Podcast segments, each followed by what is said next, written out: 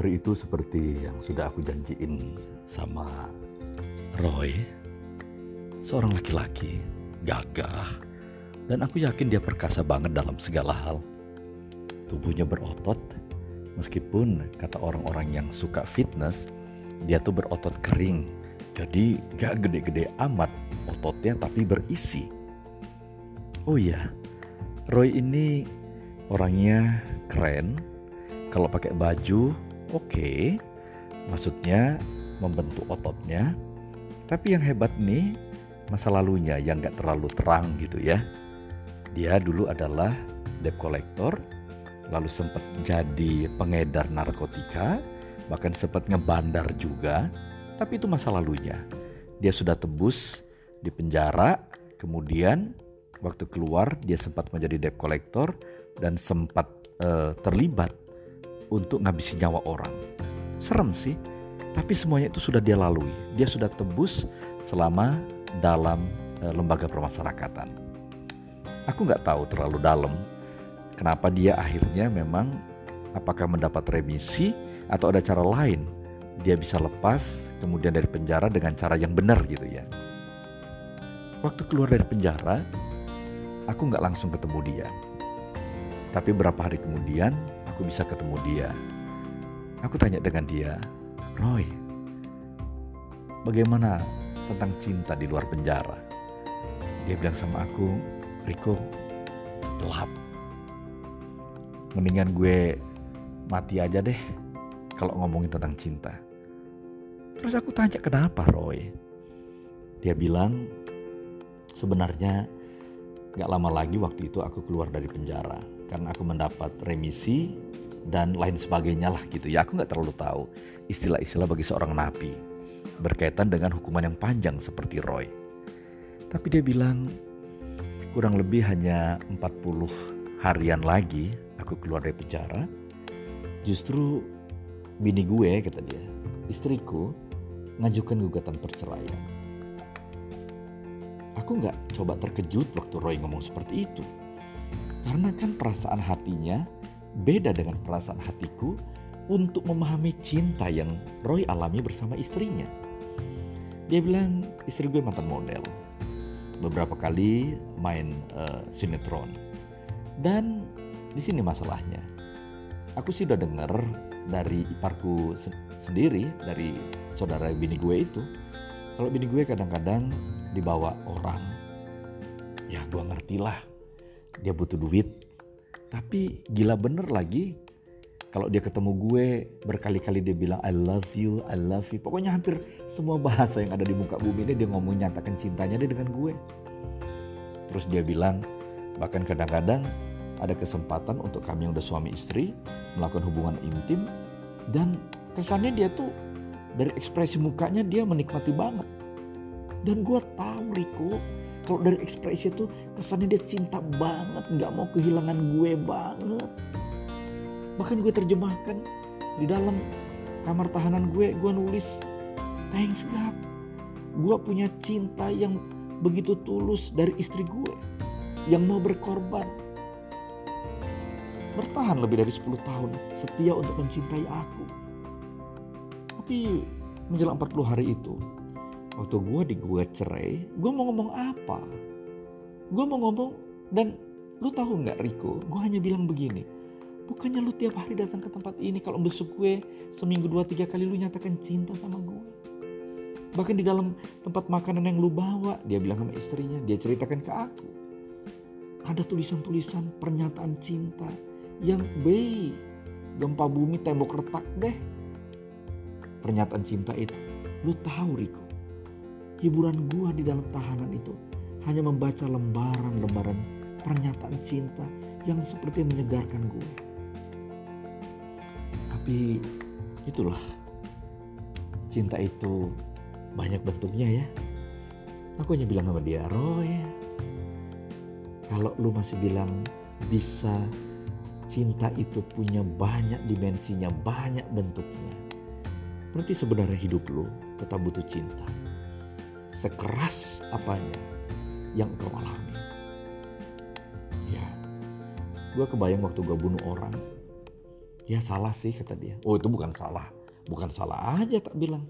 Itu salah banget. Lu pasti nyesel dong. Dia bilang kalau ada kalimat penyesalan yang paling murni, gue ambil itu Rico. Tapi sekarang mau bagaimana lagi? Dia bilang, gue nggak tahu juga nanti anak gue bagaimana. Dia bilang, wah, lu punya anak? Iya, gue punya anak cewek. Berapa tahun umurnya sekarang? Umurnya sekarang hampir 16 tahun. Gue kawin muda. Gue tamat SMA, gue nggak kuliah, gue langsung terlibat di hal-hal yang keras seperti itu. Terus, sorry nih, anak lu umur hampir 16 tahun, waktu lu di penjara, lu udah punya anak belum? Roy bilang, gue belum punya anak di waktu itu.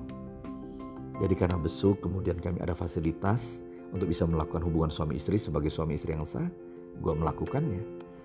Waktu itu hampir separuh waktu selama gue di penjara dan istri gue hamil. Wow, kak bilang, kenapa lu bilang wow? Roy tanya sama aku. Aku bilang, ya aku mau ngomong sesuatu, tapi lebih kepada kekaguman aku terhadap keputusan kamu sama istri kamu. Makanya aku hanya bilang, wow. Dia bilang, wow yang lu omongin sepertinya buat aku gak terlalu seneng. Kenapa tak bilang? Ya lu seperti menertawakan perjalanan hidup gue yang cintanya sudah terbengkalai seperti ah tak bilang udahlah Roy lu hanya bermain dengan pikiran yang lagi bener-bener remuk lagi patah-patah lagi ancur-ancur seperti itu. Menjelang akhir ketemu hari itu dia bilang Rick lu punya duit. Dia bilang gue punya duit sedikit. Ya gue butuh hanya 500 untuk apa? Gue mau nyenengin diri gue. That's right tak bilang gitu. Itu berarti lu mencintai diri lu sendiri. Dan di dalam diri lu itu, lu masih punya cinta. Iya, gue punya cinta untuk istri gue. Lu kan masih bisa dimediasi dong cinta lu berdua. Gak tau lah. Karena gue yakin bukan dengan satu pria aja yang bakal jadi suami dia ini. Dia menikmati kehidupan cintanya. Tapi udah ah kata dia terlalu banyak mungkin laki-laki yang menghangatkan dirinya dan sebaliknya dia pun memberikan semuanya untuk laki-laki itu. Aku aja bilang, Roy, kamu punya cinta, pertahankan. Kamu punya cinta yang benar, beli itu, jangan menjualnya. Roy, kamu pernah dengar tentang cinta sejati? Dia bilang, iya, antara Romeo dan Juliet. No, ada yang lebih hebat dalam cinta sejati itu. Lu mengampuni istri lu ketika dia bersalah.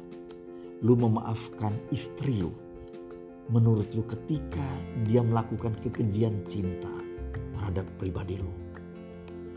Dan lu mengampuninya tanpa syarat. Gak bisa gua Rik. Ya gua tahu lu gak bisa. Tapi lu minta dong dari sumber cinta sejati.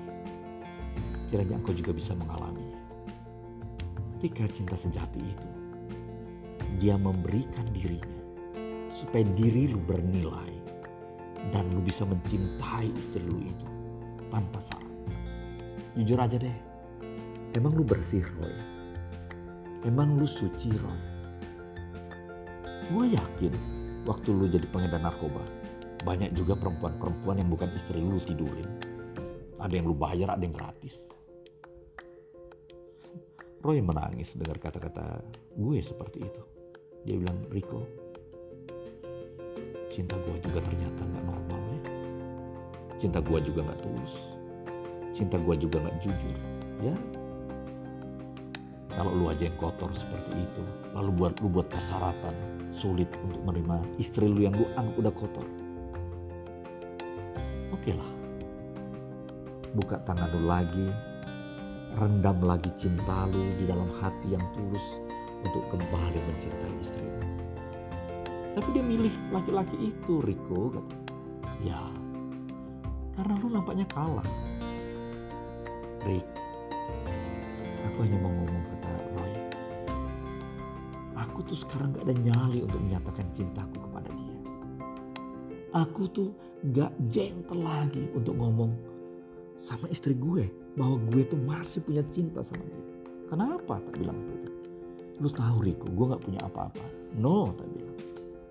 Lu punya cinta, lu punya mimpi, lu punya tekad, lu punya ketekunan.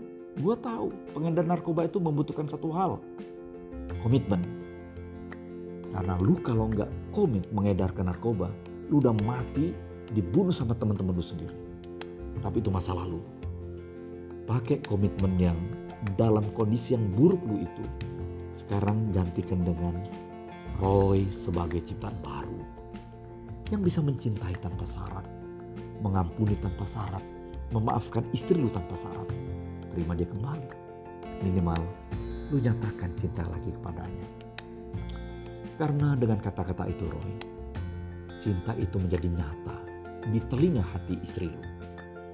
Dengan kata-katamu, cinta itu menjadi meredup sampai ke lubuk hatinya. Perkara nanti lu gak diterima lagi cintanya, itu lain soal. Oke Roy, hari itu aku habiskan segelas kopi pahit yang gak terlalu enak di tempat kamarnya Roy, di kamar kos-kosan tepatnya. Aku tinggalkan dia dan aku taruh di meja. Ini 500, lu bukan pinjam dari gue, tapi ini untuk lu Roy. Gua nggak tahu untuk apa. Tahu dia ngomong apa? Riko lu tahu uang untuk apa? Gua mau kirim ke anak gue. Karena anak gue ulang tahun. Kapan? Tiga hari lagi. Gua bilang, lu punya cinta yang hebat. Lu punya cinta yang hebat. Teruskan Roy cintamu. Dan aku meninggalkan dia. Setelah aku nyalakan Vespa tuaku, aku pergi membelah jalan dengan pikiran yang tertuju. Roy, narapidana, terlibat kriminal kelas berat, ternyata masih berhak untuk mencintai dan dicintai. Suara cinta Riko. Sampai ketemu lagi. Bye.